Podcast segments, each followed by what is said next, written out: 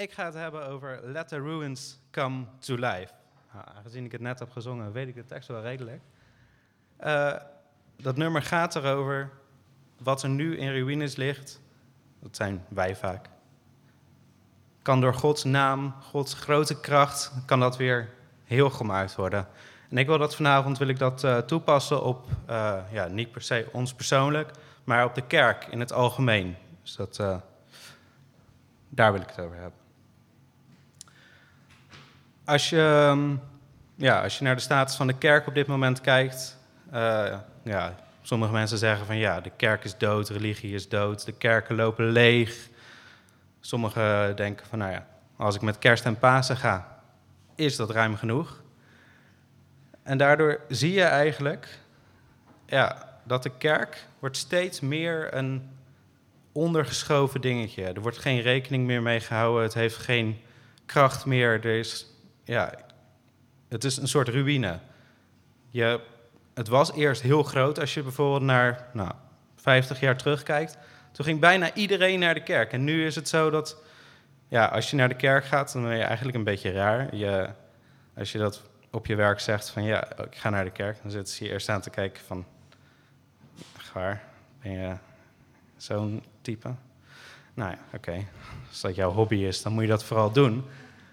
Maar ja, het was eerst een heel groot iets. Iedereen ging naar de kerk, daardoor was je bij elkaar, je was een groep.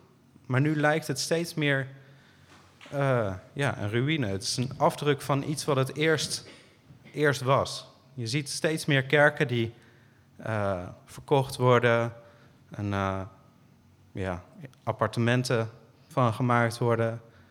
Steeds meer gebouwen zijn niet meer nodig. En ja, wat zijn we dan eigenlijk aan het doen? Ja. Het is ook nog eens zo dat de mensen die er dan wel in zitten, die raken steeds meer teleurgesteld. Want hun, vrienden, die ze eerst allemaal, het was één vaste groep. En nu loopt het langzaam leeg. En dat is, ja, is moeilijk. En daardoor ze raken ook steeds meer mensen echt teleurgesteld in de kerk.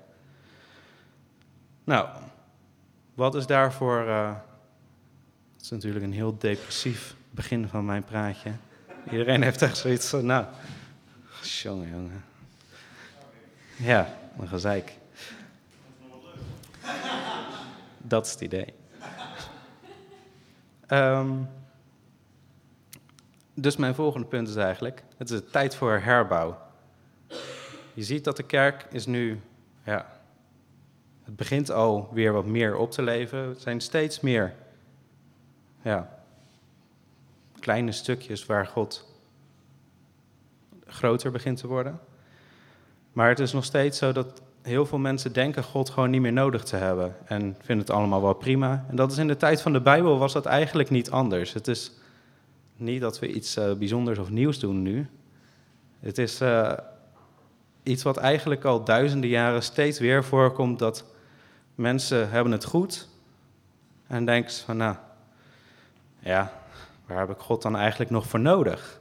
Dus ze gaan niet meer naar de kerk, ze laten het allemaal maar op zijn beloop. Uh, zo ook bij uh, Nehemia. Uh, ik zal even wat vertellen over wie die Nehemia nou is. Behalve dat het een Bijbelboek is, was het dus ook een persoon. Het is een belangrijk persoon aan het hof van de koning van Perzië. Met een hele ingewikkelde naam die jullie zo meteen gaan zien. op dat moment was het zo dat Perzië had Israël overwonnen dus uh, ja, iedereen die in Israël eerst woonde, die waren allemaal meegenomen en verspreid over het hele rijk. Nou, was Nehemia, die was goed terechtgekomen, die zat aan het hof van de koning, was een belangrijke man. Dus daar ga ik nu even een stukje over lezen. Dat dus. Het was in de maand Nisan, in het twintigste regeringjaar van Artaxerxes. De wijn stond op tafel. Ik nam van de wijn en het brood die de koning en de koning en bood die de koning aan. Nooit had hij iets op me aan te merken gehad. Maar nu zei hij: Waarom kijk je zo somber? Je bent toch niet ziek? Er is iets wat je dwars zit. Ik schrok hevig en zei: majesteit, leven eeuwigheid. Hoe zou ik niet somber kunnen zijn als de stad waar mijn voorouders begraven zijn, is verwoest en haar, haar poorten in vlammen zijn opgegaan? Wat is dan je wens? vroeg de koning. Ik bad tot God van de hemel en antwoordde de koning: Als de koning goed dunkt, en als u het mij, uw dienaar, toestaat, zendt u mij dan naar Juda om de stad te herbouwen waar mijn voorouders begraven liggen. Daar, uh, ja, dat zal ik wel lezen. Je ziet, uh, Nehemia die heeft gewoon er pijn van dat zijn stad, waar God woont, Jeruzalem, dat die in puin ligt. Je, het doet hem pijn dat er geen plek meer is waar je God kan eren en dat hij geen plek meer heeft waar hij thuis hoort. En uh, hij heeft dus als plan, ik ga die stad gewoon herbouwen. Nou, als je naar de koning gaat en zegt van nou, dat ga ik even doen.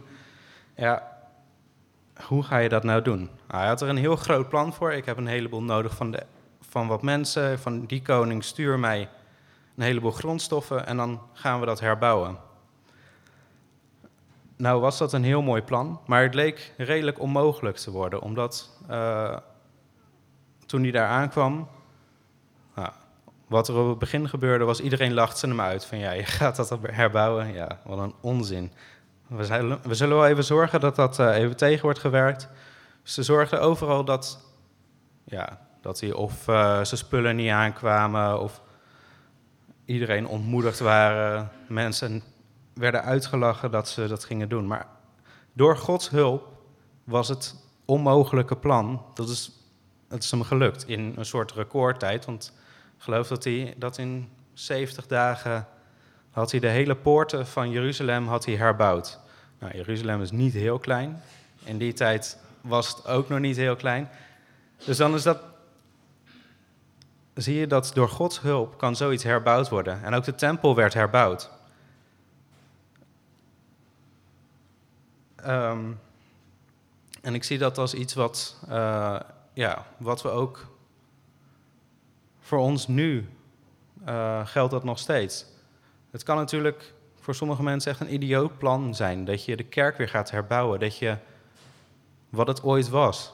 Met zoveel mensen, dat je samen God gaat eren. Dat het echt gewoon niet meer van deze tijd is. Dat het gewoon onzin is, dat het gewoon klaar is. Maar dat is niet zo. Als jij het plan bij God legt,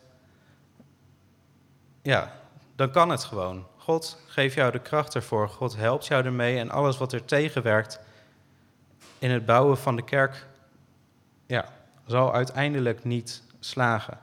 Als jij met Gods uh, hulp dat doet. En dat zie je ook. Er zijn kerken zijn weer aan het groeien. Ik zit in een kerk die uh, flink aan het groeien is. Robert zit in een kerk die ook heel hard aan het groeien is. Je ziet dat Hillsong groeit keihard. En dat is omdat het zeker wel relevant is in deze tijd. En het is heel belangrijk ja, dat daar mensen aan meebouwen. Um, dan heb ik daar eventjes een filmpje over.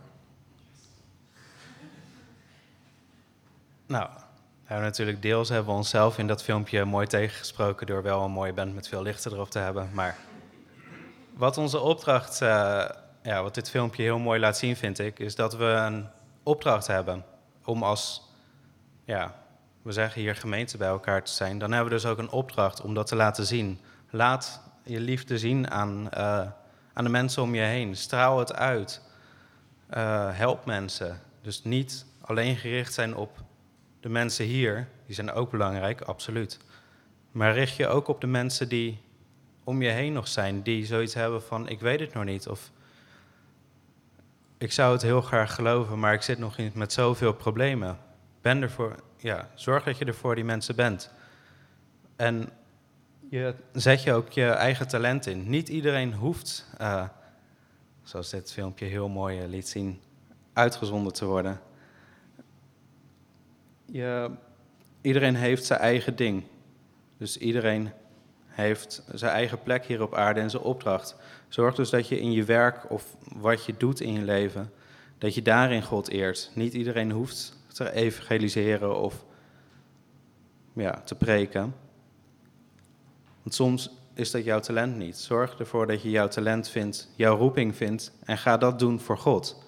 En God zal het vermenigvuldigen en zegenen. En daardoor zal de kerk groeien. Niet omdat iedereen dan maar mooi in dat e- gebouwtje zit, maar omdat we samen uh, ja, bij God, bij Jezus willen horen.